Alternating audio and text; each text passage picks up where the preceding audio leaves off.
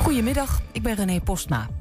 Kamerlid Pieter Omtzigt heeft nog helemaal geen uitleg gekregen over de uitgelekte aantekening van de oud-verkenners. Hij had verwacht dat hij binnen 24 uur zou horen wie er had gevraagd om hem een andere functie te geven. Dat dat nog steeds niet is gebeurd, is volgens hem een teken dat er tegen hem wordt gelogen. Hij ziet zijn zaak als een test over de openheid van het kabinet. De Tweede Kamer debatteert vanmiddag over de blunder van de verkenners Ollongren en Joritsma. Ook de oppositiepartijen willen weten met wie er is gepraat over omzicht. Eerder vandaag is de nieuwe Tweede Kamer beëdigd. Bij een demonstratie op het Binnenhof heeft Edwin Wagensveld van Pegida verf in het gezicht van een vrouw gespoten. Zij gooide eerst een verfbom naar hem, maar die wist hij net te ontwijken.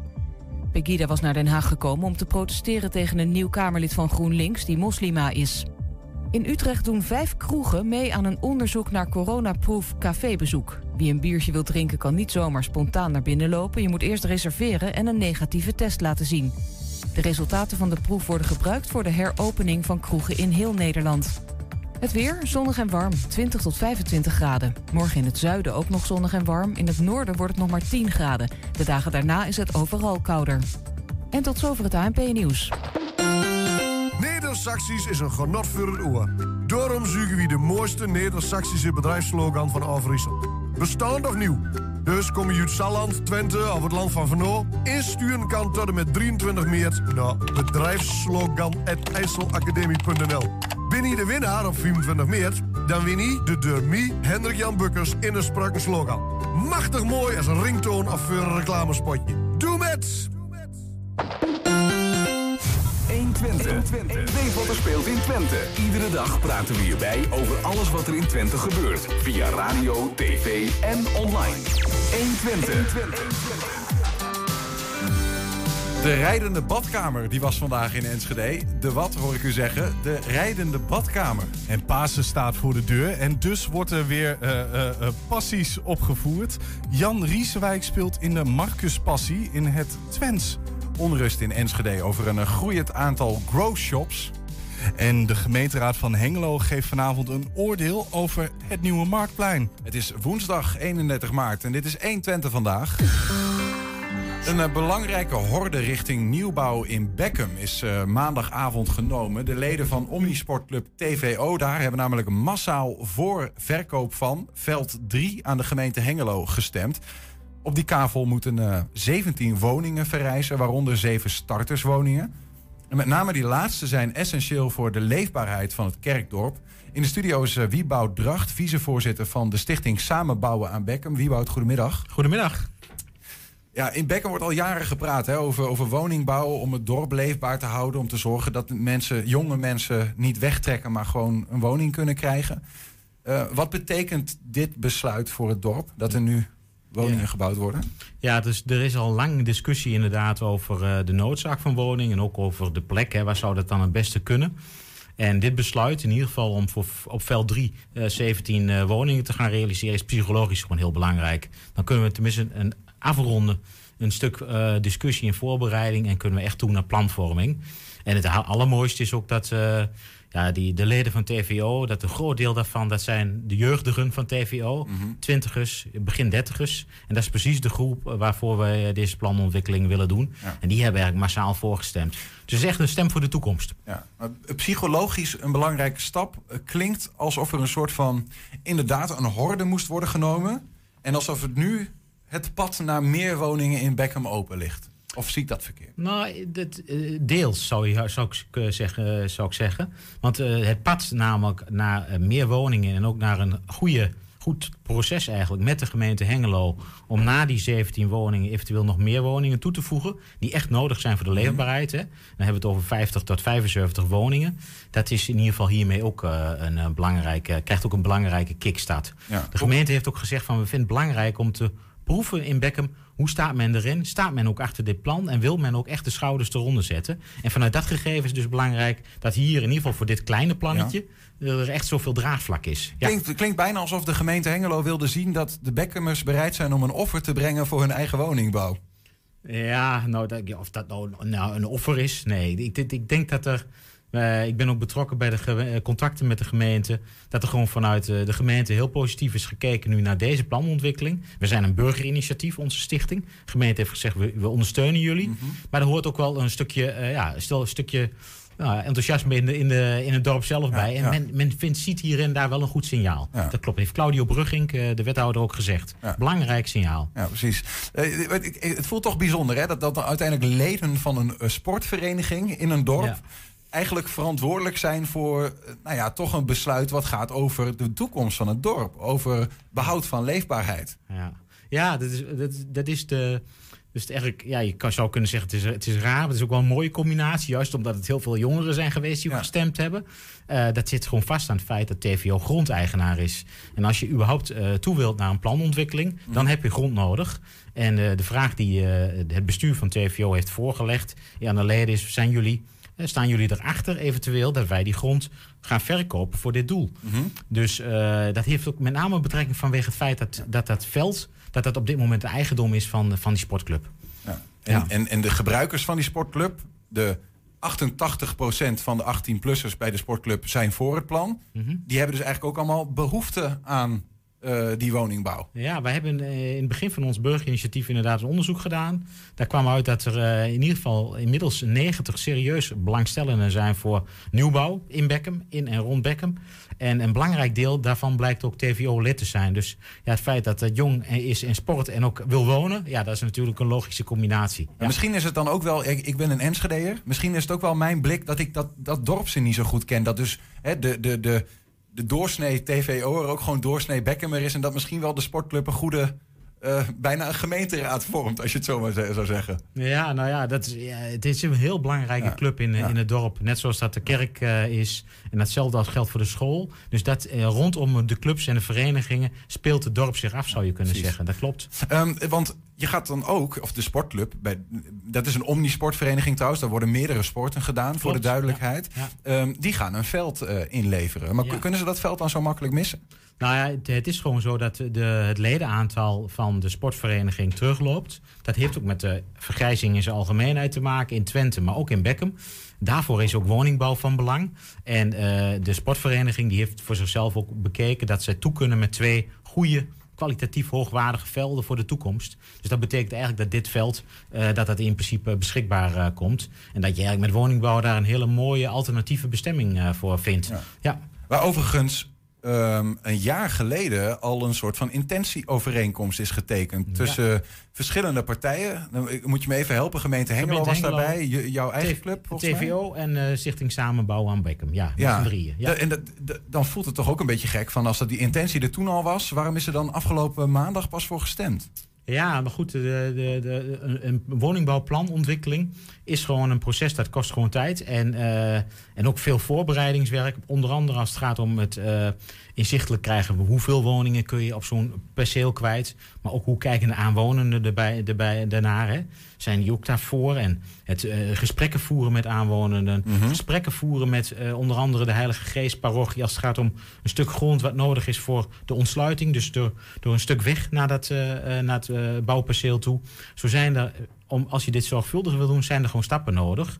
En ja, ik zal haast zeggen, van, er wordt nog wel eens wat te makkelijk gedacht over hoe, eh, ook al lijkt het een klein plan, hoeveel belangen en ook eh, betrokkenen daarbij zijn. Alles dat- is goed in kaart gebracht voordat je het in stemming brengt. Ja, dat is, eh, was echt wel nodig. Ja. Dan heb je misschien ook wel een antwoord op de vraag... waarom eigenlijk per se deze kavel? Want je zou zeggen, in- rondom Beckham is er toch genoeg plek. Ja, ja. Nou ja, eh, in principe is eh, de stichting is ontstaan vanuit de gedachte anderhalf jaar geleden dat eh, we in Beckham eigenlijk het liefste op deze plek woningbouw willen plegen om eventueel ook te kunnen sturen dus op de grondprijs. Dat die niet te hoog wordt, zodat starters ook echt grond kunnen komen en kunnen gaan bouwen. En daarmee hebben we dus eigenlijk als burgerinitiatief een stukje rol van de ontwikkelaar overgenomen. Daar waar je anders Als je een ontwikkelaargrond heeft, die bepaalt voor een deel ook de grondprijs. En dan is maar de vraag of de stad dus nog een plek Maar krijgt. dan zou je er geen eigenaar van kunnen worden van die grond. Nee, da- dan zou een ontwikkelaar is dan eigenaar. En die bepaalt ook de type woningen en ook de doelgroepen waarvoor die het eh, wil bouwen. Geldt dat ook van die grond aan de Wolfkaartenweg? Waar sommige mensen van opperen van... hé, waarom was dat geen goede, goed... Dat geldt voor alle gronden waar, waar particuliere investeerders bij betrokken zijn. Die eh, erop gericht zijn om rendement te plegen. En wij hebben gezegd, vanuit Beckham is dat ook de vraag geweest. Kijken of we samen met de gemeente zo'n ontwikkeling kunnen doen. En eventuele plusjes, als die er mochten zijn, die vloeien ook terug naar Beckham. Dus die kunnen geïnvesteerd worden in een nieuw gemeenschapsgebouw.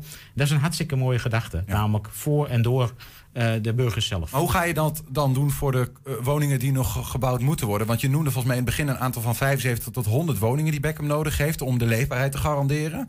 Nu zijn er 17, kunnen er op veld 3 worden gebouwd. Dat betekent dat er nog een pak een beet 70, 80 bij moeten. Ja, ja. Nou ja, eh, sowieso is, de, eh, is er een afspraak met de gemeente dat we in het kader van het omgevingsplan, dat is een nieuw eh, instrument in Nederland, eh, dat er eh, vanuit de dorpsraad in Bekken met de gemeente een proces wordt gestart waarbij allerlei betrokkenen, ook grondeigenaren, mee gaan praten over wat zijn geschikte locaties en ook hoeveel woningen zou je daar kunnen, eh, kunnen bouwen. En daarbij hoort ook eh, dat er wordt gekeken naar eventueel andere leegkomende eh, eh, gebouwen. Onder andere het gemeenschapsgebouw komt waarschijnlijk beschikbaar en zo nog wat plekken. Ja. Dus er wordt dan vanuit een vervolg, wat is eigenlijk wat wij fase 2 noemen, wordt er gekeken ja, hoeveel woningen hebben we in die tweede fase nodig en ook op welke plekken kunnen we die realiseren met meer partijen. Ja. Een van de gebouwen die in ieder geval niet beschikbaar gaat komen is het gebouw van de school. Zo werd ook maandag bekend. Want er zijn wat zorgen in het dorp. Van ja, hoe gaat die school nog, hoe lang gaat het nog bestaan? Het aantal Ja. leerlingen neemt af. Nou, hoe, meer, hoe minder leerlingen, hoe minder ja, op een gegeven moment eh, makkelijk het wordt om de school te runnen natuurlijk. Ja. Eh, maar nou, nou is bekend geworden dat die school heeft gezegd... wij blijven nog een tijd eh, bestaan. Ja. Je hebt zelf kinderen op die school? ja, ik heb een dochter op de school. Ja. Blij mee? Heel, ja, heel blij mee. Ja. Ja. Ja, uit de grond van maat. Nee, want de school, daar draait het om in zo'n dorp. Samen met de sportvereniging. Dat zijn zulke belangrijke voorzieningen. En we zien dat in Twente op, op andere plekken zien we dat ook dat scholen sluiten. Ook omdat het leerlingenaantal gewoon terugloopt. En eh, de, deze school heeft gezegd van we passen ons schoolconcept eigenlijk aan. En we gaan er gewoon vanuit dat we met minder leerlingen dezelfde kwaliteit eh, aan onderwijs kunnen bieden. En ook aan alle, alle, alle groepen Wat eigenlijk. betekent dat concreet? Schoolconcept aanpassen, weet je dat? Ik, eh, ik heb begrepen van hen dat ze toegaan naar drie combinatiegroepen. En dat ze ook nieuwe lesmethoden in gaan zetten. Waarbij kinderen en, eh, eh, meer hun eigen leerpad eigenlijk kunnen doorlopen. En dan zit je misschien wel met, met andere kinderen van een andere leeftijd in de klas. Maar dan kan ieder toch wel zijn eigen leerpad ont. Is dat iets waar jullie als stichting ook actief mee bezighouden? Om te zorgen dat het, dat het onderwijsniveau wel gegarandeerd blijft? Nee. We hebben wel contacten met de school natuurlijk. Ook in relatie tot de eh, woningbouwontwikkeling. Hoe zij daar tegenaan hebben gekeken. Die zijn er hartstikke blij mee. Dat hebben ze ook aangegeven.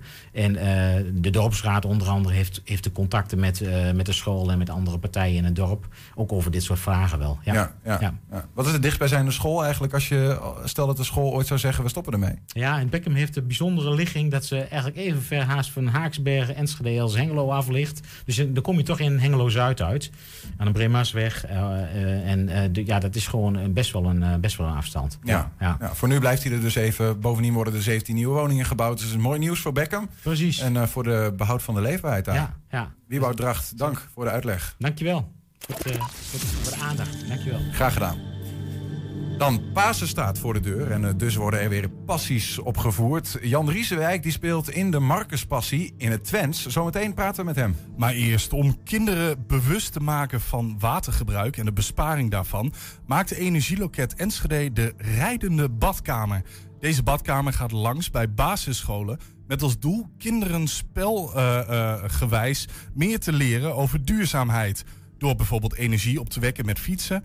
En ervaren zij wat er eigenlijk nodig is voor een lange douche. Vonden jullie het een leuke les zo deze Ja, heel erg leuk. Heel leuk. Het was wel interessant. Je mocht ook dingen uitproberen. Dat was ook wel leuk.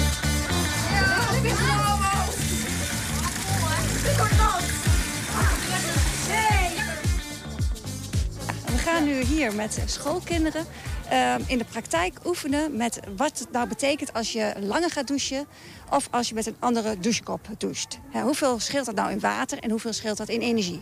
En ze gaan nu zometeen het water van de, de, de regendouche en van de waterbesparende douche in een regenzaal eh, met emmertjes in-. En dan zien zij meteen van, hé, hey, de regencel, daar is emmer veel, of de, re, uh, de meetcel veel hoger gevuld. Dus die verbruikt veel meer. Dus, dus zo wordt het heel makkelijk gemaakt om een gevoel erbij te krijgen en om het zelf te kunnen zien.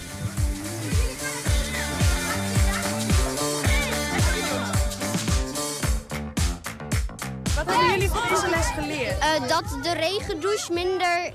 Um, nee, de, de energieverbruik de douche minder water doet dan de regendouche. Nou, dat de regendouche wel het uh, meeste verbruikt, ja. En ik heb zelf die kleine, dus ja, bij mij is het gewoon al goed. maar ik heb zelf dus ook die kleine, dus ja. Wat, uh, wat vond je ervan, van het fietsen? Ja, ik vond het wel leuk, maar het was ook wel zwaar. Ja, ik was wel slow, maar verbaasd wel hoeveel water erin lag. Je, je had minder verwacht? Ja, het was wel zwaar, maar er zat wel veel in uiteindelijk. Het is, uh, we moeten allemaal in, uh, in Nederland en in uh, de wereld minder energie gaan verbruiken. Omdat het maar beperkt is. Zeker um, hè, niet primaire energie, die wil je beperkt houden. Dus je wil dat kinderen dat alvast leren. Dan gaan zij dat ook alvast, als zij later ouder zijn, ook minder energie verbruiken. En ga jij de douchetimer gebruiken? Ja. Maar ik douche nu wel echt een half uur of zo. Ja, ik ook. Ja. Normaal douche ik wel wat langer. Ik en nu denk je toch uh, hoe zwaar zij het had? Ik denk nou... Ja. Ik zit meestal gewoon in bad, dus uh, wij, ja. Maar dan gebruik je ook wel heel veel water. Ik ga, ik ga zeker dat tijdklokje gebruiken. Ja? En ja. waarom? Nou, omdat het, uh, ja, het is wel goed voor het milieu natuurlijk. En dat, uh, ja, dat wil ik graag gaan helpen. Moet ze voortaan ook koud douchen, hè? Ja. koud en kort. Koud en kort. Houd lekker kort. Dan, zondag is het Pasen en dus is het weer tijd voor passiemuziek. Je hebt uh, natuurlijk de wereldberoemde Matthäus Passion, de iets minder bekende Johannes Passion. En dan het kleintje, de Marcus Passie, over klein en kort gesproken. Het Wilming Theater omarmde juist dat muziekstuk en maakte er een Twentse passie van... met een eigen Twents of nog beter Wilming Orkest... Jacob de Haan die tekende voor de arrangementen. Jos Pijnappel is de dirigent en misschien nog herkenbaarder. Enschede Jan Riesewijk die speelt de evangelist en vertelt de leidersgeschiedenis dus in het Twents. Jan, goedemiddag. Ja, goedendag. Uh, ik ben trouwens geen Enschede, hè? ik ben Losserenaar. Ja, ik was er al een beetje bang voor, maar we zagen ergens een 053-nummer voorbij komen. Dus we dachten, we gooien het erop. Ja, we, met heel veel dingen hoort wel onder Enschede, maar ik ben en blief een rasechte Lossenaar. Dus dat moet ik daar toch aan het begin maar eerst maar recht zetten. Om dan in, in het thema te blijven, Jan, uh, vergeef ons. Nou, omdat je het zo eerlijk uh, toegeeft, zal ik jullie dit vergeven, ja. zo, wat is, het, wat is donker trouwens? We zien je bijna niet. Ben je, nee, uh, ik, weet ook niet, hoe, ik weet niet hoe dat komt. Is dat altijd in Losser? Ja, hier schijnt om nog de zon, hè. hey, Jan, je was even evangelist. Hoe voelt dat? Dat voelt heel apart, moet ik zeggen. Het is... Uh, uh, ik, ik heb uh, al heel wat gedaan in mijn leven en ook op toneel en ook voor het Wilmingtheater. Maar uh, zo'n zo, zo passie had ik eigenlijk nog niet eerder gedaan. En dan de rol van verteller is natuurlijk heel bijzonder om dat te mogen doen. Heb je iets met die, met die, met die lijdenstijd, met die passie muziek zelf?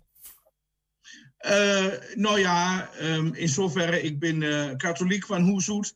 En uh, ik heb dat van Hoezoet ook echt metgekregen. Die hele tradities en alle gebroeden rond het Pasen. Alles wat erbij hoort, zeg maar van Palmzondag al tot het paasvuur op eerste paasdag. En alle tradities wat er tussenin zat. En dat heb ik echt metgekregen. En ik vond het altijd al mooi en interessant. En uh, ja, op dat gebied is dit wel uh, het hoogtepunt doorin dat dit mij vertolken. Want dat is wel een eer. Ja, zo voelt het echt. Om, uh, om ja, een eervolle taak. Jazeker, ja. want je, um, je zit natuurlijk voor een groot orkest uh, live. Dat is in deze tijd ja, maximaal 30 mensen. En dan wie doet elkaar, dat heeft Wilming Theater allemaal goed voor elkaar. Alleen dat is al een voorrecht, en, hè? Ja. Nou, zeker, vooral in deze tijd. Dat is prachtig. En, um, en dat je dat aan mij doen. En dat verhaal, mij vertelt, maar natuurlijk nog niet zomaar een verhaal is. Uh, maar eigenlijk al opgetekend, nou ja, 2000 jaar geleden. Dus uh, ja, is dat toch heel bijzonder ja, om te mogen vertolken. Ja. Um, ben je dan ook iemand die, die gewoon bijvoorbeeld dit weekend ook vanuit jezelf als Jan Riesewijk daar nog iets mee doet? Dat je even, nou ja, weet ik niet, naast het paasontbijt daar nog even een, een stuk tekst op naleest in de Bijbel of iets dergelijks? Of valt het wel mee? Nee, nee, nee ik ben wel een echte katholiek, dus uh, zo min mogelijk in de Bijbel. maar uh, ja, we hebben wel. Ik heb een mooie Twentse Bijbel gekregen van Anne van der Meiden. Eh, toen ik ooit eens een keer wat wonnen heb in Twente. Toen nou, staat dat tijd erin gaat lezen. Maar wij katholieken bent niet zo van het Bijbel lezen. Nee, we bent meer van de theater eromheen. Ja, ja, alle rituelen en alle symboliek. Ik moet wel zeggen, ehm, ik, eh, nou dit jaar niet, want het is ja allemaal ma maar maximaal 30 mensen naar de kerk. Dan denk ik, laat anderen maar voor gaan. Maar normaal gesproken ga ik altijd zaterdags voor paus naar de pauswaken. Dat nog wel. Dat is, dat is heel mooi theatraal. Dan is die kerk helemaal donker. Dan komen ze binnen met de pauskias. En vanuit die pauskias worden alle kleine kaarsen aangestoken. En steekt de hele kerk in het licht. Want Pausen is natuurlijk het feest dat het licht het overwint van de duisternis. Dus Mhm. dat wordt heel mooi weergegeven in een pauswaken. Ja, nou, nou we- weet ik nog, we hebben pak een beetje een jaar terug is dat denk ik alweer bijna, dat eh, een aantal cabaretiers uit Twente andermans virus maakten. Eh, ja. daar had je zelf ook een rol in. En volgens mij ook wel een beetje als eh, predikant, brenger van een boodschap. Maar dan toch wat meer met een, ja, misschien soms wel een beetje met een, met een twist. Dit is wel wat serieuzer, denk ik, hè?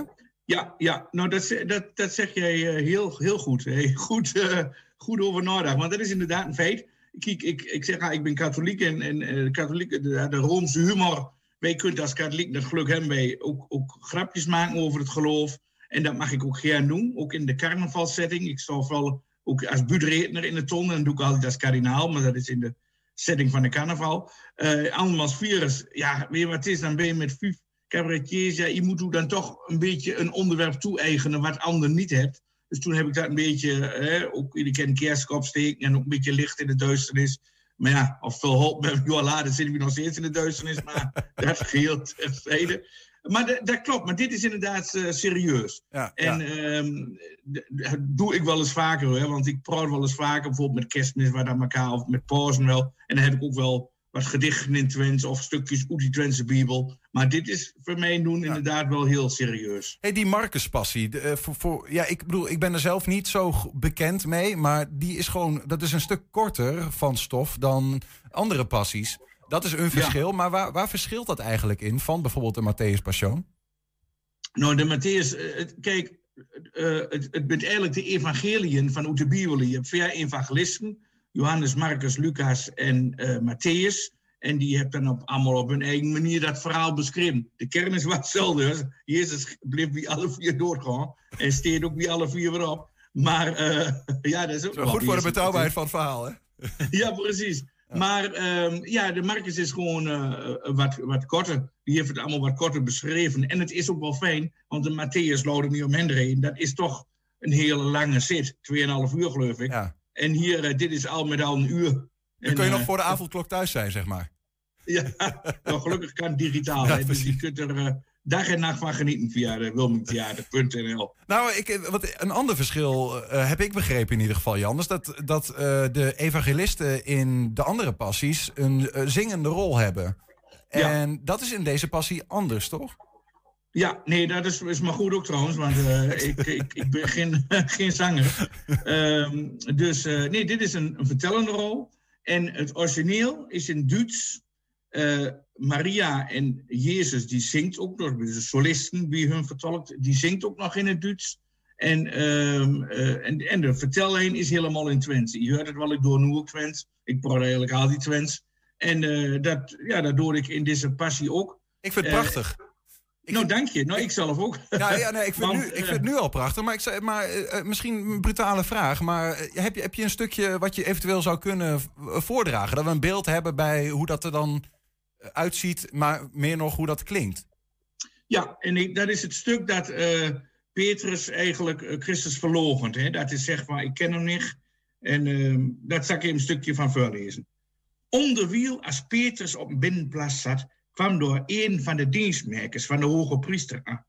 Toen ze Petrus zag en zich zat te worm, keek ze hem strak aan en zei, Ivanja ook bij de Nazareën dan Jezus. Hij streed haar dat af en zei, ik weet er niks van en ik begreep niet waar, hij het hebt.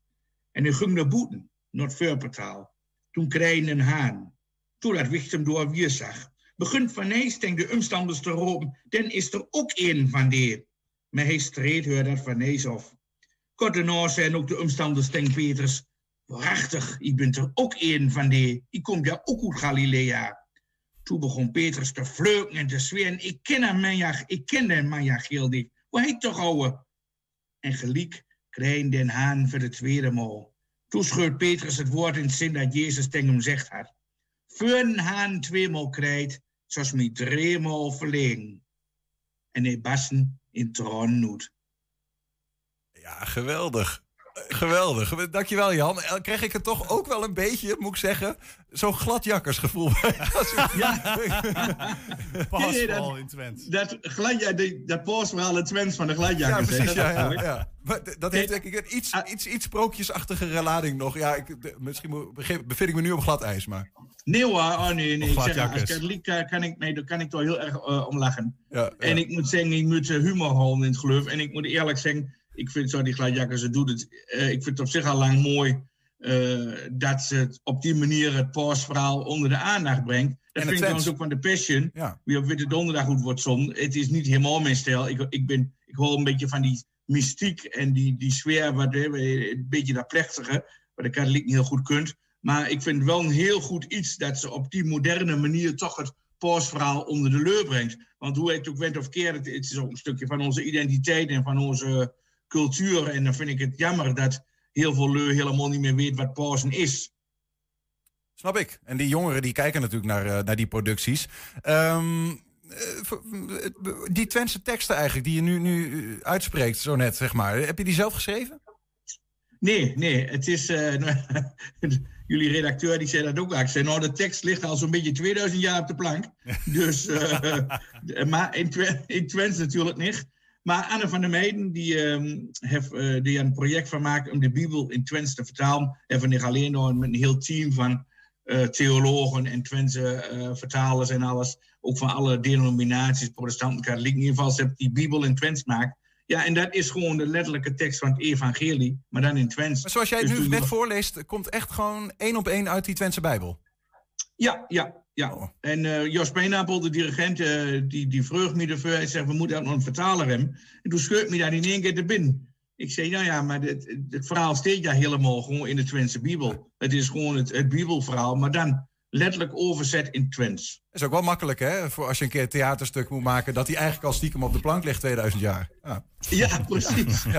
Ja. Jos had zich dat ook niet gerealiseerd. En ik moet heel eerlijk zeggen, ik zelf ook niet doen, want ik ben helemaal niet zo'n zo'n zo'n hele expert op theologisch gebied. Dus ik had dan zeggen, nou, Laurens ten Den, die kennen jullie misschien ook wel. De theatermaker, Roet Enschede, ik dacht, misschien kan die er eens naar kijken. Maar dat was dus op een gegeven moment helemaal niet meer nodig, want eh, ja, we kon, dat konden we zelf ook nog wel overnemen. Het klinkt in ieder geval hartstikke goed en eh, zelfs betrouwbaar. Wanneer kunnen we je zien, eh, Jan? Betrouwbaar, nou, dat vind ik nog wel. Eh, nou, het is vanaf ehm, Goede Vrijdag te zien op de site van Wilming Theater. Ik begreep vanaf morgen zelfs al, stiekem. Of niet? Om, je nou. Nou, dat is ja, nog mooier. Ja, ik, maar misschien eh, schiet me er niet op lek. Of, eh, eh, maar ik dacht vanaf half één morgenmiddag en anders vrijdag. Ja, Maar volgens mij ook. En het mooie is, het gaat natuurlijk in die eh Twentse passie ook. Het begint eigenlijk met Palmzondag. En dan gaat het nog Witte Donderdag. Witte Donderdag is het moment dat Jezus voor de laatste keer met zijn apostelen bij elkaar kwam. En dat het brood wordt gebroken en, en, en wijn, wat ook in de vieringen in de katholieke kerk iedere weekend weer terugkomt. Dat is Witte Donderdag. En Goede Vrijdag is dan het moment van sterven aan het kruis. En dan eindigt de passie op het moment dat hij in het graf wordt gelegd en dat de steen ervoor gaat. Kijk eens aan. Dank voor die, voor die les die we nog even hier meekrijgen. Jan, ik dacht, ik geef hoe toch nog geen met, want voor mij kunnen jullie toch nog wat. Lekker Niels. Dankjewel Jan. Jan Rieswijk hoorde je. En eh, die hoor je ook vanaf Bedankt voor morgen de dus. aandacht, hè. Yo. Vanaf morgen dus half één via de website van Wilming Theater te zien. Die eh Marcus Passie in het Twents met evangelist Jan Riesewijk. Zometeen praten we met CDA-raadslid Mart van Lagen over onrust in Enschede. Over een groeiend aantal grow shops in de stad. Maar eerst, er werd vol, wordt volop gebouwd in Enschede. Eh, de Molenstraat, de Kop van de Boulevard, de Haaksbergenstraat. Maar ook op plekken die misschien iets minder in het oog vallen, gebeurt veel. Nieuwbouw, een complete nieuwe inrichting van straten en pleinen. Zo ook aan het Fazantplein in Mekkelholt. Wij namen een kijkje met ontwerper Laura van Tongeren. We hebben samen met de woningbouwcorporatie De Woonplaats hebben we hier een plan gemaakt voor de openbare ruimte. En eh, ja, dat is ook echt een wisselwerking geweest tussen zeg maar, de gebouwen en, eh, en de buitenruimte. Ehm, ja, wat we vooral geprobeerd hebben is dat het plein is veranderd veel meer in een verblijfsplek. Want het was echt een Het autoverkeersplein. was zeg steen, maar. hè, met winkeltjes onder Ja. de... Ja. klopt. Daarvoor waren het inderdaad appartementen met daaronder winkels. Nou, die winkels zijn verplaatst naar Roombeek. En eh, ja, nu is het echt een eh, woonplein geworden. En ja, daarvoor lagen de hele brede asfaltwegen. Je kon ook als eh, automobilist kon je helemaal rondrijden. Er waren hele brede stoepen vanwege de winkels. Dus het was daardoor inderdaad heel erg stenig en nodigde eigenlijk helemaal niet uit om daar ook te, te spelen, om er te, te gaan zitten. En ehm, ja, we weten allemaal, de zomers worden heter. Dus heel veel steen maakt het ook heel warm. Dus wat we nu gaan doen, is het vooral heel erg groen maken. Ja, de straten worden smaller. En het wordt ook veel meer eh, pleinachtig met gebakken klinkers. Dus het asfalt gaat er eh, voor een gedeelte uit. We, we laten het in de straten wel liggen omdat daar de bus nog overheen gaat. Maar hier in het midden wordt het eigenlijk veel meer een, een bakstenen pleintje. En bijna alles wat je nu ziet wat nog grond is, zeg maar, dat wordt groen. En wat hier wel uniek is, dat we het groen laten we eenmaal doorlopen tot aan de gevel, zeg maar. Dus de stoepen komen niet traditioneel langs de voordeuren te liggen, maar die gaan straks ja, meer als een soort voetpaden dwars door het groen heen. Ik zie hier een, een, een, een, een pad liggen, maar dit is tijdelijk volgens mij, hè? Ja, klopt. Dit is tijdelijk om, eh, zodat de woningen alvast bereikbaar zijn. Maar wat we gaan doen is het pad daar eigenlijk rechts van de lichtmasten aanleggen. En er wordt eigenlijk één lange lijn die uitkomt eh, bij de flat. En wat je ziet is dat die ruimte hier tussen dus helemaal gr- groen tot aan de gevel wordt ingericht. Dus Ja. die mensen wonen echt vanuit hun woning direct eh, ja, aan een soort groene stadstuin. We gaan de parkeerplaatsen, die horen bij de, de flat eh, hierachter. Die gaan we wat opschuiven, dus iets meer richting de flat. En daardoor krijgen we ruimte, want wat we ook nog eh, willen maken is een fiets- en wandelverbinding. Daar ligt de wijk Deppenbroek. En daar ligt het winkelcentrum Roombeek. Dus die willen we eigenlijk eh, in een logische lijn met elkaar verbinden. Je kunt daar straks heel mooi verder fietsen over de Mootlaan en dan kom je bij het winkelcentrum uit. Wat we nog eh, gaan veranderen is dat het speeltuingebouw, dat is ook sterk verouderd. Zij krijgen nog een nieuw gebouw, dus daar zijn we ook over nog in gesprek. En dat komt dan straks hier achter dit eh trafelhuis te liggen, tussen die grote bomen. Dus daar komt een nieuw speeltuingebouw. En dat wordt gelijk ook, is dat een speeltuingebouw of gaan daar meer activiteiten Ja, plaatsvinden? daar, daar zijn ook meer activiteiten. Hè. Dan moet je eh, denken aan wat eh, buurtactiviteiten, zoals een bingo of een kaartclub of eh, een knutselclub. Ja. Dat soort dingen gebeuren daar ook. Wat is je droombeeld? Wat, wat hoop je dat hier straks te zien is, als het klaar is? Eh, ja, vooral dat het echt een soort groene oase wordt. Dus dat het een rustplek wordt, een ontmoetingsplek voor bewoners. Dus, dus ook mensen die in de appartementen wonen, die hebben als buitenruimte alleen een balkon. Maar dat ze dus ook hier buiten gaan gebruiken. Een dus soort dat het verlengde ook- tuin eigenlijk, Ja, zeg maar. dat het ja. daar ook gewoon fijn eh, vertoef is. En dat ook ja, eh, kinderen die in die buurt wonen ook door die wadi heen gaan rennen, zeg maar. Dan de winkeliers in de binnenstad van Enschede maken zich grote zorgen over de toename van grow shops. Dat zijn winkels die producten voor wietteelt verkopen. Enschede telt er nu 17 volgens winkeliersvereniging Winkelhart. En als het aan hen ligt, blijft het daar ook bij. Ik heb het dan trouwens over 17 in het centrum van Enschede. Ze schreven in november al een brief aan de gemeenteraad, maar vonden geen gehoor. Nu brengt het Enschede CDA-raadslid Mart van Lagen deze brief opnieuw aan het licht. Mart, goedemiddag. Goedemiddag. En dank voor je tijd. Je had ook een eh, debat kunnen kijken bijvoorbeeld. Was ook erg interessant geweest, ja. Dus Ja. ik ga gauw weer terugkijken zo. Ja, ja, fijn dat je hier even kunt aanschuiven. Eh, misschien even beginnen met de inhoud van die brief van Winkelhart Enschede. Wat staat daar eh, zo ongeveer in? Nou, eigenlijk zegt de winkeliersvereniging Winkelhart van... jongens, kijk uit. Eh, we zien een toenemende trend in een aantal eh grow shops, smart shops. eh, nou ja, in het Nederlands eh, wietontwikkelwinkels.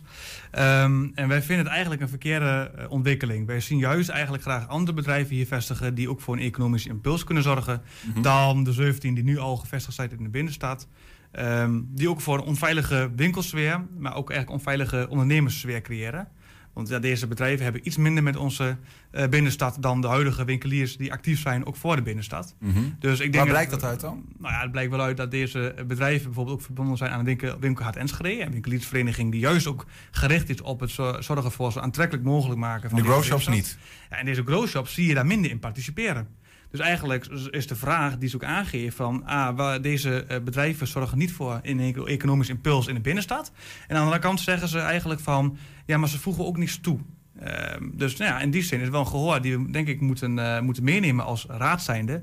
Van als wij eh, naar de coronacrisis kijken die er nu heerst... en we willen zo meteen de Enschede binnenstad aantrekkelijk houden... voor nieuwe populatie toeristen, voor weer hele grote groepen Duitsers... dan is de vraag of grow shops daar bijdragen. Ja, ja, ja, maar ik- ja ik, ik vraag me toch ook, want, want eh, die hebben toch ook gewoon klanten, want anders kunnen ze hun winkel niet runnen. Dus dat trekt toch ook gewoon mensen naar de binnenstad. Zo zou het ook kunnen zien. Wat, wat, ze- wat is dan die concrete zorg en die concrete onveiligheid die ze ervaren? Nou, de, de winkeliersvereniging Winkelhart geeft eigenlijk aan dat het een bepaalde doelgroep is die is aan wordt getrokken, die eh, niet echt heel veel eh, meerwaarde hecht aan de binnenstad. Mhm. En ik denk ook wel dat we daar een stukje gelijk in hebben, want deze mensen komen niet om een mooi shirtje te kopen, maar deze mensen kopen, eh, komen daar om dingen te kunnen kopen als het gaat om het eh, ontwikkelen van wietteelt. Mhm. Als het gaat om het verkopen van wiet. Ja. En ik denk eh, dat ik de, eh, ehm, de winkelieren daarin echt volledig gelijk aan geven. Dat ze zeggen van dit is niet wat wij zoeken in de binnenstad om Enschede aantrekkelijk te houden.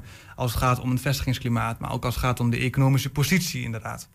Er zijn, ze, ze noemen in die brief ook een concreet voorbeeld hè, van een gedwongen sluiting in de Heurne. Ken je dat geval? Ik heb het inderdaad even opgezocht. Het is ook aan de Heurne geweest. Eh, dit, dit bedrijf is gesloten. Ook om meer om, om eh, nou ja, eh, niet toegestaande activiteiten. Ehm, nou, dat is een voorbeeld van een winkel waarvan we eigenlijk al vooraf konden zeggen van dit willen we niet. En als je er 17 andere bij krijgt in een centrum, denk ik dat we ook voor die 17 andere plekken andere winkels kunnen plaatsen. Mhm. Ehm, ook een, een dingetje waar wij wel ons al wel af. Wij hebben een, een reactie gevraagd aan de winkeliersvereniging Winkelhard. We hebben ook gevraagd: kunnen jullie dat eens uitleggen bij ons? Wat, wat maak je mee? En eigenlijk was hun reactie: nou, ehm, w- wij schuiven dan liever Mart van Lagen eh, naar voren. Hè? Die pakt het voor ons op. Daarmee ben je min of meer hun woordvoerder geworden. Wat Nee. vind je daar eigenlijk van? Ehm, ik snap tweeledig wel dat de winkelhard dit doet. Aan de ene kant, eh, het ligt nu bij de politiek. Dus ik vind ook dat de politiek daar een uitspraak over moet doen. Zeker met het oog op de toekomst van de binnenstad. Ik vind dat we nu moeten laten zien in deze coronacrisis... eh, waar we naartoe willen en hoe we willen zorgen dat we economisch aantrekkelijk blijven. Mhm. En aan de andere kant snap ik ook dat winkelhard zegt van... ja, eh, nou komt eindelijk de politiek in actie. Want de brief ligt sinds 10 november al bij ons op bureau. Ja. Ehm, nou, laten ze nu een uitspraak doen. En ik geef daar de winkelhard wel gelijk in. Het zou wel mooi zijn als ook winkelhard winkeliersvereniging zelf eh, een keer met een statement naar buiten zou komen naast deze brief. En ik heb begrepen ook dat ze dat gaan doen bij de eerstbeste eh commissievergadering Centrum. Om eh, in te spreken. Ja, wa- wat maakt eigenlijk dat, dat voor, voor jou bijvoorbeeld dat jij nu, want je hebt eh, zogeheten artikel 35 vragen gesteld, eigenlijk spoedvragen aan het college. Ehm, eh, waarom nu? Nou, het zijn eh, politieke vragen, omdat we nu langzaam richting die eh 1 juni gaan. Hè? We gaan nu richting het proces dat we straks allemaal gevaccineerd zijn. En dan willen we weer de binnenstad in en dan willen we weer op terrasjes zitten. Eh, en ehm, eh, toen ik de brief ook een paar keer las, dacht ik van ja, dit hadden we veel eerder aan de kaak moeten stellen. Want nu gaat het er wel om, wat voor stad wil je zijn? Wat voor bedrijven wil je hier naartoe halen? Eh, wat voor positie neem je in als Enschede als binnenstad? En het gehoor, of het, het punt wat de winkelhard wil maken hier, lijkt mij evident om dat echt groot op de ag- agenda te zetten van de raad. En dat doen we dus nu ook. Ja, want dat, dan ga je ook toe naar eh, wat kun je dan eh, eventueel als raad. En dan misschien ook wel beginnen bij de analyse van het probleem zelf. We hebben genoemd, er is, er is vei- onveilig gevoel. ehm, door de bezoekers misschien wel, door de activiteiten die daar gebeuren. Ehm, maar de vraag is ook een beetje, waarom heeft Enschede zoveel grow shops? Wat, hebben wij een zo goed vestigingsklimaat of zo? Nou, waarschijnlijk wel voor dit soort bedrijven. Eh, nou, we liggen dicht bij de grens. Ik denk dat daar iets mee speelt. Dat hoor je vaker ook terug in de stad. Dat vaak toch mensen van over de grens hier naartoe komen om hier hun eh, eh, ja, wietspullen te halen. Ehm, ik denk dat daarnaast Enschede wel een hele brede stad is met een heel diverse populatie aan inwoners die ook waarschijnlijk hier behoefte aan hebben. En eh, nou, de rechtbank heeft er onlangs nog een uitspraak over gedaan. En die geeft ook aan van ja, je kunt niet zomaar een grow shop eruit werken. Ehm, maar als je het goed motiveert en je komt met onderbouwen, eh, onderbouwde maatregelen, dan is het mogelijk om dit soort bedrijven ook te weren. Mhm. Dus ehm, eh, helemaal verwijderen gaat op korte termijn niet lukken. Er is een populatie die er schijnbaar behoefte aan heeft. Maar ik vind nog, en dat is echt een fundamentele vraag... als je een stad wil zijn die interessant wil blijven voor zowel de Duitsers... Mhm. als de Nederlanders, moet je wat gaan doen. Ja, ja maar goed, dan, dan to- toch, eh, als de rechter zegt... want inderdaad, Winkelhard zegt het ook in die brief... we hebben de gemeente eh, een antwoord gekregen van de gemeente... die zeggen, ja, we ont- ontbreekt ons aan wettelijke middelen om hier iets tegen te doen. En wat kunnen jullie als gemeenteraad dan überhaupt? Nou, we hebben in ieder geval stap 1 is op de agenda zetten. Dus we hebben het signaal van Winkelhard nu op de agenda gezet. En wat ik begrepen heb, eh, want kort even met de gemeente zelf gebeld... is er echt wel een ruimte eh, binnen de uitspraak van de rechter... om deze bedrijven aan te pakken. Dus die is er wel. De bestaande bedrijven of nieuwkomers? Z- zowel beide. Eh, de vraag is natuurlijk een beetje hoe ze dat verhouden met elkaar.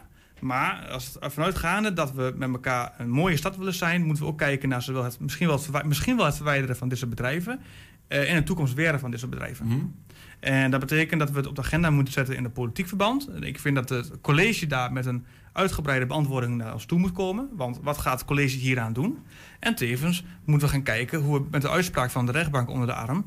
en met onze eh, visie op de binnenstad hiermee aan de slag gaan. Dus kijken welke ruimte er is en hoe we die kunnen benutten. Precies. Ehm, dan moeten we ook nog, toch nog even naar de kant van die grow shop. Want eh, heb, jij, heb jij al heb je een rondje gemaakt langs de velden? Heb je gevraagd wat de grow shops eigenlijk vinden van dit fenomeen? Nee, ik heb nu nog geen rondje gemaakt langs deze eh grow shops. Eh, ik ben altijd bereid om met deze mensen ook in gesprek te gaan. Maar in eerste instantie eh, onderschrijf ik volledig het signaal dat Winkelhard nu meegeeft. Dit is onwenselijk. Ja. Nou, wat, wij hebben dat even gedaan. We hebben er een drie à vier grow shops gebeld om, te, om te- ook aan te geven, je liggen onder vuur, althans worden besproken. Ehm, en, en hun reactie, ik heb een aantal dingen daar, pak ik daaruit. Ze zeggen bijvoorbeeld, wij vinden het jammer dat we over één kam worden geschoren. Er wordt gesproken over grow shops, terwijl de ene is de ander niet. En het heeft te maken met een stukje uitstraling, een stukje indeling van de winkel. Dat klopt toch? In principe kun je niet zeggen van, hé, wij gaan de grow shops in Enschede aanpakken. Ja, dat is ook een beetje lastige aan de term. Ik heb het ook bewust bijgezet. Kijk, op het moment dat je een grow shop, een smart shop, je hebt eh wietontwikkelwinkels, er zijn nog een aantal termen voor. Eh grow shop is een beetje zo'n verzamelterm van al die bedrijven. Ehm, eh, lijkt me evident dat we gaan kijken en eh, een stukje eh, verdeling maken. Wat voor bedrijven nou echt serieus bezig zijn met illegale eh, activiteiten in de stad. En welke bedrijven hier gewoon aan het ondernemen zijn voor een bepaalde doelgroep met een bepaalde doelgroep. Ja. Maar goed, ook al het praten erover en het agenderen zet ze wel in een bepaald daglicht. Ik kan me voorstellen dat er grow shop eigenaren zijn die hier zoiets hebben van ja, hallo, mijn winkel is gewoon eh, legale bedrijfsvoering en ik doe hier niks wat niet mag. Nou, als dat zo is, dan is het ook geen eh man overboord. Bij deze, dat is dan maar gezegd. Ehm, zij zeggen overigens ook dat ze het er wel mee eens zijn dat het op een gegeven moment wel een keer genoeg is. Dat, dat, die heb je dan mee. Vijf smart shops in één straat, zei de een, vind ik ook wel wat veel. Ja, ja nou, concurrentiepositie. Ik kan me ook voorstellen dat die uitspraak komt. Ja. Eh, maar ik ben, kijk, de zorgvuldigheid hangt er volledig wel af van wat voor een beeld je ook schetst met de gemeente naar zijn bedrijven toe. En het gaat hier natuurlijk wel sterk om illegale activiteiten die worden gedaan.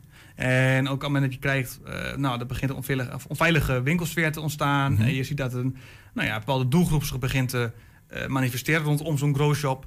Dan kan ik me voorstellen dat ondernemers aan de bel trekken. En dat doe ik dus nu ook. Ja. Ehm, kijk, als op het moment dat een grow shop zichzelf een, een andere winkelsoort is, maar niet onder de term grow shop vallen, ja, dan lijken ze, dan, mijn mening, dan moet je niet die mensen, die ondernemers daarin meenemen.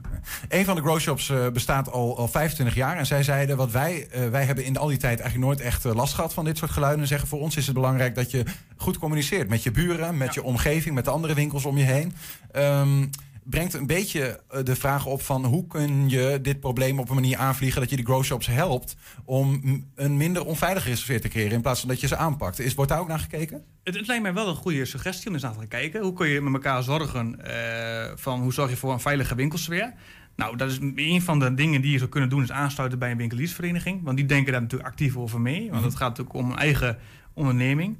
Eh, je kunt actief meedenken op eigen wijze als het gaat om hoe eh, bied je artikelen aan, eh, hoe transparant ben je als winkel, wat voor uitstraling heeft je winkel. Ik denk dat er veel meer elementen meespelen dan die vraag simpel te beantwoorden. Maar dat er ehm, nou, enige vraag naar is om zo snel mogelijk wat te gaan doen aan de verkeerde illegale grow shops. Ja.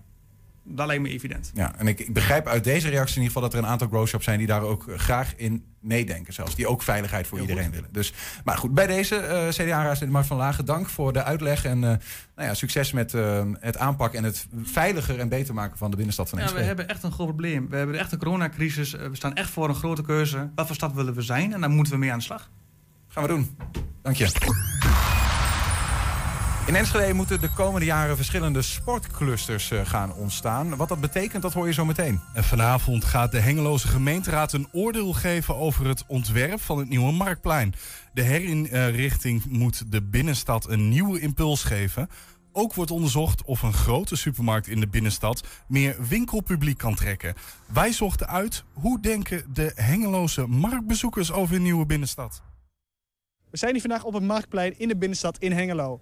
Maar wat missen de mensen in de binnenstad eigenlijk nog? Laten we het vragen. Meer discotheken. Ja, En waarom dan? nou, omdat Dux weg is. En de rest is allemaal zo klein en het staat altijd heel snel vol. Dus gewoon iets groter, iets groters. Ja, doordat de winkels natuurlijk al een tijdje dicht zijn, merk ik nog niet zoveel wat ik mis. Dus het is een beetje, ehm, ja, wat mis ik hier? De gezelligheid is er wel. Eh, de markt wordt straks heel mooi aangepakt. Dus dat, dat wordt allemaal... Ja, wat mis je hier? Ja, meer mensen natuurlijk voor de, door de corona. Ja, iets meer aankleding van de markt is wel heel leuk. Ja. Ik mis de diversiteit van de winkels. Er wordt steeds meer gesloten. Het is een, uh, het is een dode boel, vind ik. Ik uh, vind het niet gezellig winkelen. En ik vind uh, de toegankelijkheid in de zin van dat je... laat maar zeggen, weinig mogelijkheid hebt om ook langduriger in de stad te zijn. Je betaalt je een ongeluk. En je hebt nu wel een paar plaatsen waar je een half uurtje je auto neer kunt zetten om te winkelen. Uh, daar doe je vlug, vlug, vlug een boodschapje en dat was het dan. Dus ik ga vaak naar Delden of zo. Daar heb je alle vrijheid om te winkelen. Ja, verder, ja, er zijn zoveel mooie plannen hier. Uh, als die gerealiseerd worden, dan uh, denk ik dat we daar eerst moeten van genieten. En dan kijken wat we dan nog missen. Ja, coronatijd, wat moet je missen? Daar is alles mee gezegd, hè? een, een beetje reuring in de binnenstad, dat missen wij er gebeurt helemaal niks meer. Het is, uh, ja, het, met, uh, met de opbouw van het nieuwe plein moet het natuurlijk beter worden. Maar uh, wij hopen dus dat er echt weer reuring in de stad komt. En dat er een beetje terrasjes rondomheen komen. En niet alles geconcentreerd op één pleintje. Er moet meer levendigheid komen in de stad. De reacties zijn erg verdeeld. Maar waar doen mensen eigenlijk de boodschappen? je bedoelt de dagelijkse boodschappen? Nee, die doe ik niet in het centrum. Die doe ik in de buitenwijk, in de, bij de supermarkten. Dat doe ik in de wijk. Gewoon daar waar we wonen. Dikkersplein. En waarom dan daar en niet in de binnenstad? Omdat we daar loopafstand is. En als je boodschappen gaat doen, dan hoef je niet met zo'n zware tas uh, naar huis te sjouwen. Dan steek je de straat over en dan ben je er. Zoals uh, grote hoeveelheden boodschappen, één keer in de week zo. Dat doe ik in mijn eigen winkelcentrum. Kost me niks.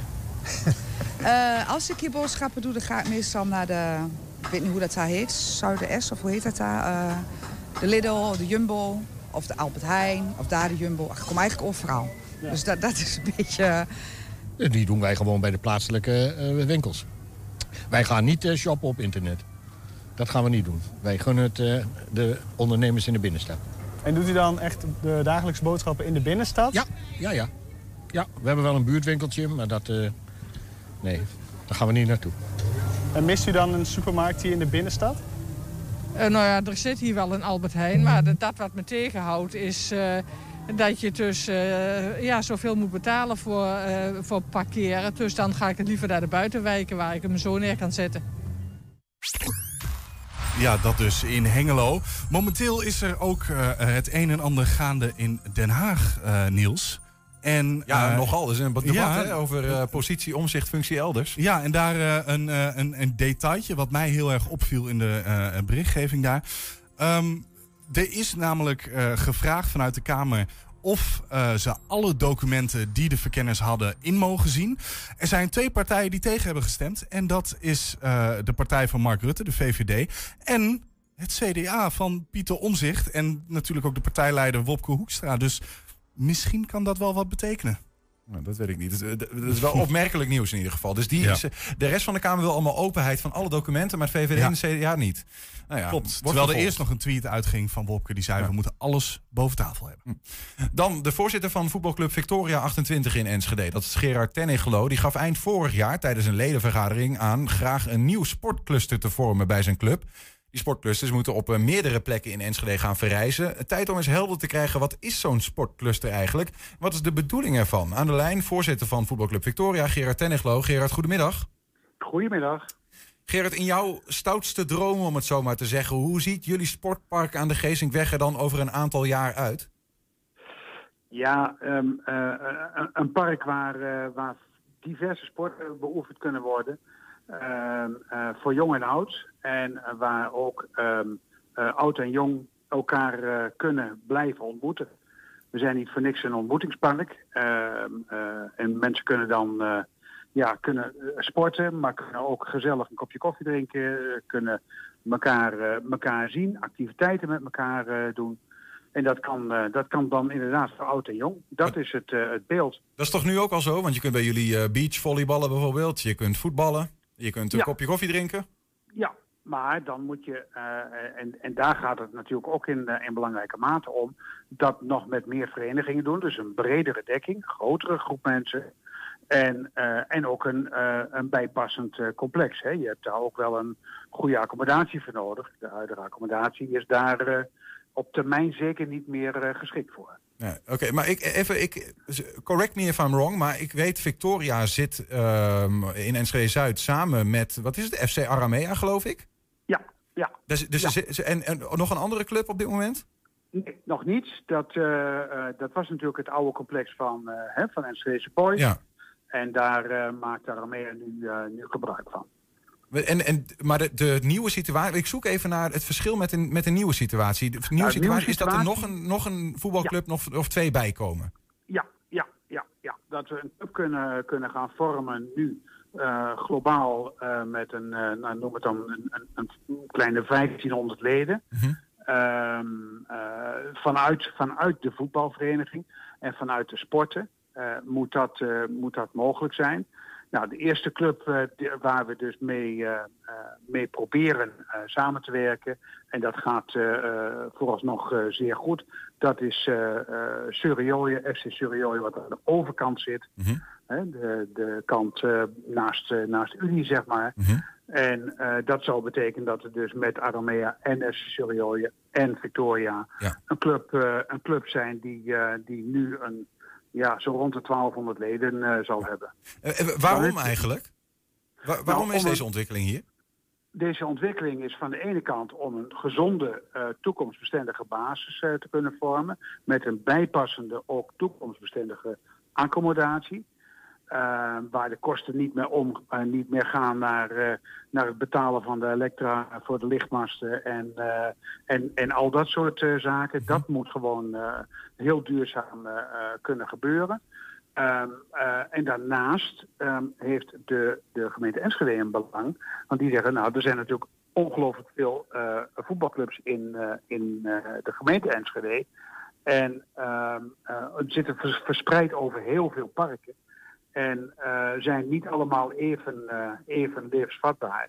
En zeker niet eh, even toekomstbestendig levensvatbaar. Dus dat betekent dat, dat de gemeente eigenlijk alles aan gelegen is om een aantal clubs gewoon te concentreren op een, op een aantal parken. Dan speel je parken vrij, hè, dus complete complexen vrij. waar dan weer andere ontwikkelingen kunnen gaan plaatsvinden. En dan denk bijvoorbeeld aan woningbouw of eh, dat soort eh, activiteiten. Ja, dus om alles wat meer op, op hoopjes te gooien. Maar dan krijg je natuurlijk ook, want, want het voordeel van die verspreiding is dat mensen de voetbalclub achter de deuren hebben, zeg maar, bij de voordeur. Ja, maar dat, dat weet je. Kijk, voetbal speelt een keer uit en een keer thuis. En het traint natuurlijk wel in de buurt. Op het moment dat je dat goed geografisch over de stad verdeelt, dan zullen de afstanden eh, zeker niet al te ver zijn. Kijk, op het moment dat een, dat een Surioje naar onze kant komt, ehm, eh, ja, dan wordt die afstand voor de, voor de ouders en voor de kinderen natuurlijk niet echt veel meer. Wat is, het- wat is het wel wat het voor de, voor de leden gaat? Wat gaat het voor een, voor een lid heel concreet betekenen? Stel dat jullie een sportcluster gaan vormen met Surjoje en eh, Aramea. Nou, in ieder geval zal dat betekenen dat ze, dat ze een, een uitstekende accommodatie gaan krijgen. Dat we als clubs ehm, eh, gewoon vanuit de synergie, vanuit de samenwerking kunnen denken. Eh, en, en dan denk even heel praktisch, één administratie, één keer eh, eh, sponsors benaderen, één keer, nou vul maar in. Hè, dus een heleboel dingen die je op een hele goede manier eh, samen kan doen. Je bent een speler geworden in, in de wijk waarin je functioneert. En het is nogmaals niet alleen de voetbal, maar er zijn ook de ouderen die daar gebruik van kunnen maken van het mooie nieuwe complex. En ook, mm, ja, je krijgt da- daarmee vanzelf betere en meer vrijwilligers. Je kunt gaan investeren in, eh, in goede trainers die ook op een fatsoenlijke manier eh, eh, de jeugd kunnen bedienen. De jeugd Klinkt alsof het gek is dat het eigenlijk nog nooit eerder gedaan is. ja, maar je zou het ook zo graag willen. Hè? En, en er is natuurlijk van alle kanten altijd gedrukt van ga op fusie en ga samen en ga dit. Nou, fusie is gewoon geen doel op zich. Je moet gewoon kunnen denken in werk samen. Ga gewoon die dingen samen doen. Ga gezamenlijke inkopen doen. Je kunt beter voor 1500 mensen gaakballen gaan draaien om even wat aan te geven. Dan dat je dat eh, in, in allerlei kleine porties iedere keer moet doen. Ja, toch, toch is er ook, Dus de Gerard, het zijn ook wel, wel zorgen. Want je, wat je noemt is bijvoorbeeld ook wel dat je met het eh, versterkt samenwerken. Hè, je moet nu eh wijs van de, de huur voor Victoria betalen, maar straks betaal je dat samen. Maar heb je ook samen kantineinkomsten bij wijze van. Dan moet je meer met elkaar overleggen. En ehm, dan zijn ook mensen die zeggen van ja, dan verliest een club misschien wel zijn identiteit. Want dan ja, heb je het niet met je eigen beslissingen te maken. Nee, nou ja, je, je, je hebt natuurlijk nooit eh 100% je eigen beslissingen te maken. Je bent altijd afhankelijk van, eh, van andere partijen. Er zijn heel veel clubs die afhankelijk zijn van subsidiestromen die, eh, die er ontstaan zijn. Wij gaan er echt voor om eh, met elkaar eh, de zaken gewoon goed bij de kop te kunnen pakken. En eh, eh, voor wat betreft de identiteit, ja, daar moeten gewoon kansen en mogelijkheden bestaan om je eigen identiteit gewoon, eh, gewoon blijvend te borgen. De een zal spelen op een zaterdag, de ander speelt op de zondag. Zo heb je alle, alle mogelijke dingen. En je ziet toch al de trend heel duidelijk ontstaan, zeker bij de, de niet-selectie senioren elftallen, dat er heel veel teams gaan ontstaan die elkaar onderling eh, eh, heel aardig vinden en heel goed passen bij elkaar. Dus echte vriendenteams of echte teams die dat gewoon goed doen. En die ook nog een goede prestatie neer willen zetten. Duidelijk. Nou, en het, het, dat het is, kun je blijven doen. Daar gaat het om. Het, eh, het zit nog allemaal in een, in een vroeg stadium. Hè. Er moet, het college moet er nog uiteindelijk een voorstel echt voor, voor doen. En het moet nog door de gemeenteraad in Enschede. Dus nog even afwachten allemaal. Maar bedankt in ieder geval voor deze uitleg. Gerard Tenniglo, voorzitter van Victoria. Ja, graag gedaan. Dan gaan we gauw door naar drones. Wat zijn dat eigenlijk? Wat kunnen we ermee? Willen we er überhaupt wat mee? Of vinden we het toch wat eng allemaal? En wat willen we dan? Wat is er nodig om dat voor elkaar te krijgen? En welke regels zijn er eigenlijk nodig om drones minder eng te maken?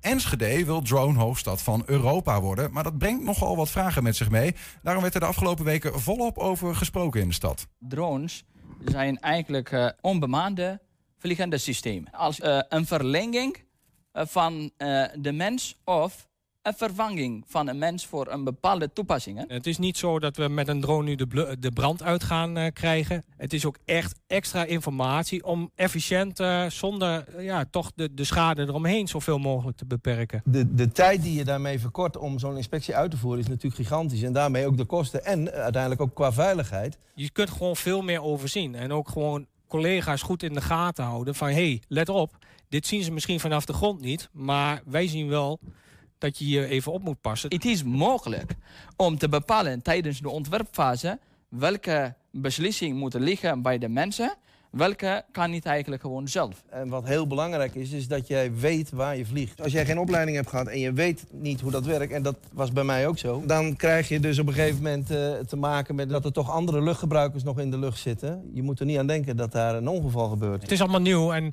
het moet ook allemaal veilig gebeuren. Maar ja, als je met nieuwe dingen bezig bent... dan kan dat niet eh, gepaard gaan zonder ook dingen, dat dingen fout gaan. Zoals auto's steden in de 20e eeuw hebben veranderd, gaan drones steden in de 21e eeuw veranderen. Ja of nee? Ja. Ja? ABC? Ja. Ja. Drones zijn blijkbaar de revolutie van nu aan de Zoom. De man die Enschede klaarmaakt om dus drone-hoofdstad van Europa te worden. Wouter Asveld, goedemiddag. Goedemiddag.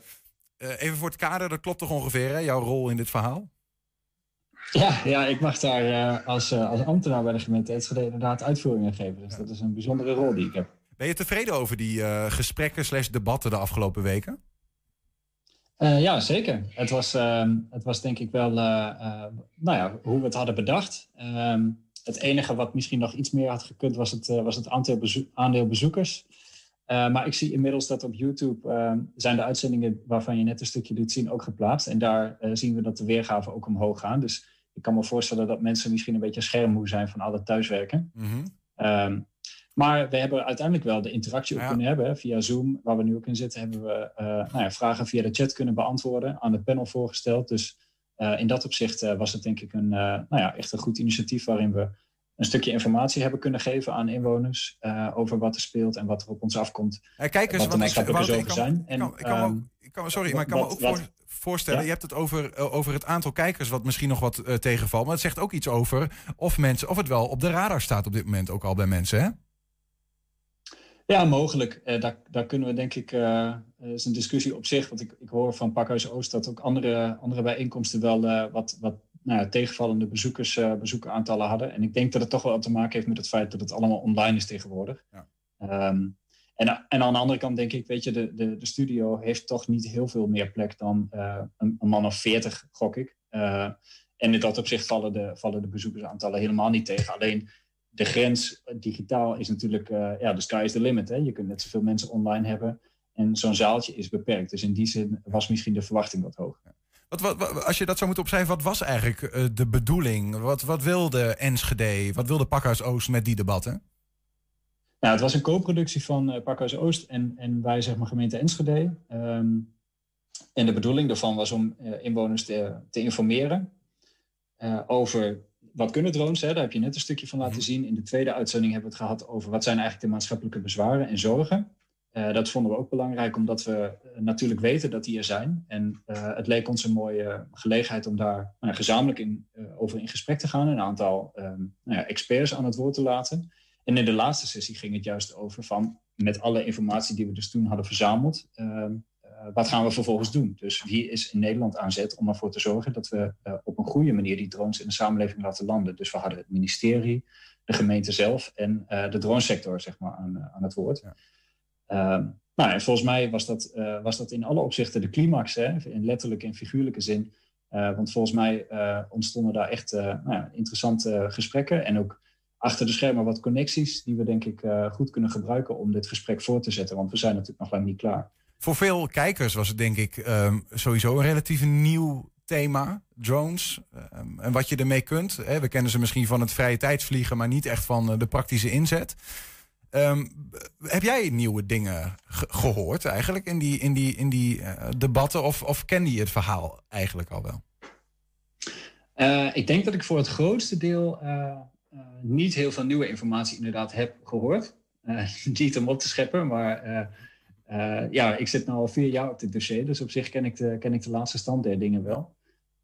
Maar bijvoorbeeld de, de onderzoeker van het NLR, die in de tweede uitzending aan, aan het woord was, Roald Armoes, die vertelde over zeg maar, de geluidsimpact van, van drones. Nou, daar zaten wel een aantal nieuwe feitjes zeg maar, in. En, en ook wat hij liet zien, zeg maar, het onderzoek wat hij doet. Dus met de combinatie van visueel en audio ehm, demonstreren en, en kijken hoe dat, wat voor impact dat op je heeft. Dat vond ik wel interessant te zien. Dat had ik ook nog niet eh, gezien. Wat, wat, wat, zou, wat is wat jou betreft ehm, echt een highlight geweest uit die gesprekken of uit het thema drones? Waar, ja, waar, waar word jij warm van, om het zo maar te zeggen? Eh, nou, waar ik warm van werd, was denk ik toch wel de, de laatste uitzending, waarin we eh, het ministerie, de gemeente en eh Wiebe de Jager van Droomwatch aan het woord hadden. Ehm, en waarin ik toch wel de indruk kreeg dat we nou, toch wel met z'n allen op één lijn zaten. Want de discussie was natuurlijk een beetje van, ja, wat, wat voor rol hebben gemeenten nou in dat hele speelveld? Waarin wij als gemeente Enschede zeggen, wij eh, moeten aan de tafel over wat er in de lucht gebeurt. Ehm, en langzaam krijg ik de indruk dat daar eh, toch wel, ehm, nou ja, eh, ook, ook bij het ministerie wel begrip voor is. En misschien zelfs wel steun. En ook eh, vanuit nou ja, de dronesector, eh, waar ook wel wat kritische geluiden vandaan kwamen, maar dat er ook wel begrip is. Hè? Ook de, de, de statistiekjes uit de enquête van Wiebe de Jager liet ook zien dat een aanzienlijk deel van, ik geloof 1300 eh, bevraagde mensen zeg maar, aangaf, nou ja, gemeenten hebben inderdaad wel recht op inspraak op wat er in de lucht gebeurt. Dus nou ja, voor mijn gevoel was dat wel eh, een, een mooi, mooi resultaat en, en een mooi startpunt voor een vervolg. Ja. Dus we liggen nog steeds in de lijn naar, eh, wat was het weer? 5000 drones over een aantal jaar die boven ons hoofd eh, zweven. Ja, ja, dat denk ik wel, ja. Ja, spannende. eh, Op een veilige manier. Op een veilige manier. En dat zelfs in Enschede, hè, waar je dus eh, allerlei no-fly zones en eh, de helikopter op, eh, van het MST moet veilig kunnen vliegen en de vliegbasis en zo. Dat kan toch allemaal. Ja, ja zeker. Daar gaan we voor zorgen. Wouter, dankjewel. Graag gedaan. Dank je dat ik er mag zijn. Debatten over de drones in Enschede zijn vanaf morgenavond, elke donderdagavond om 6 uur 's avonds te zien op het televisiekanaal van 120.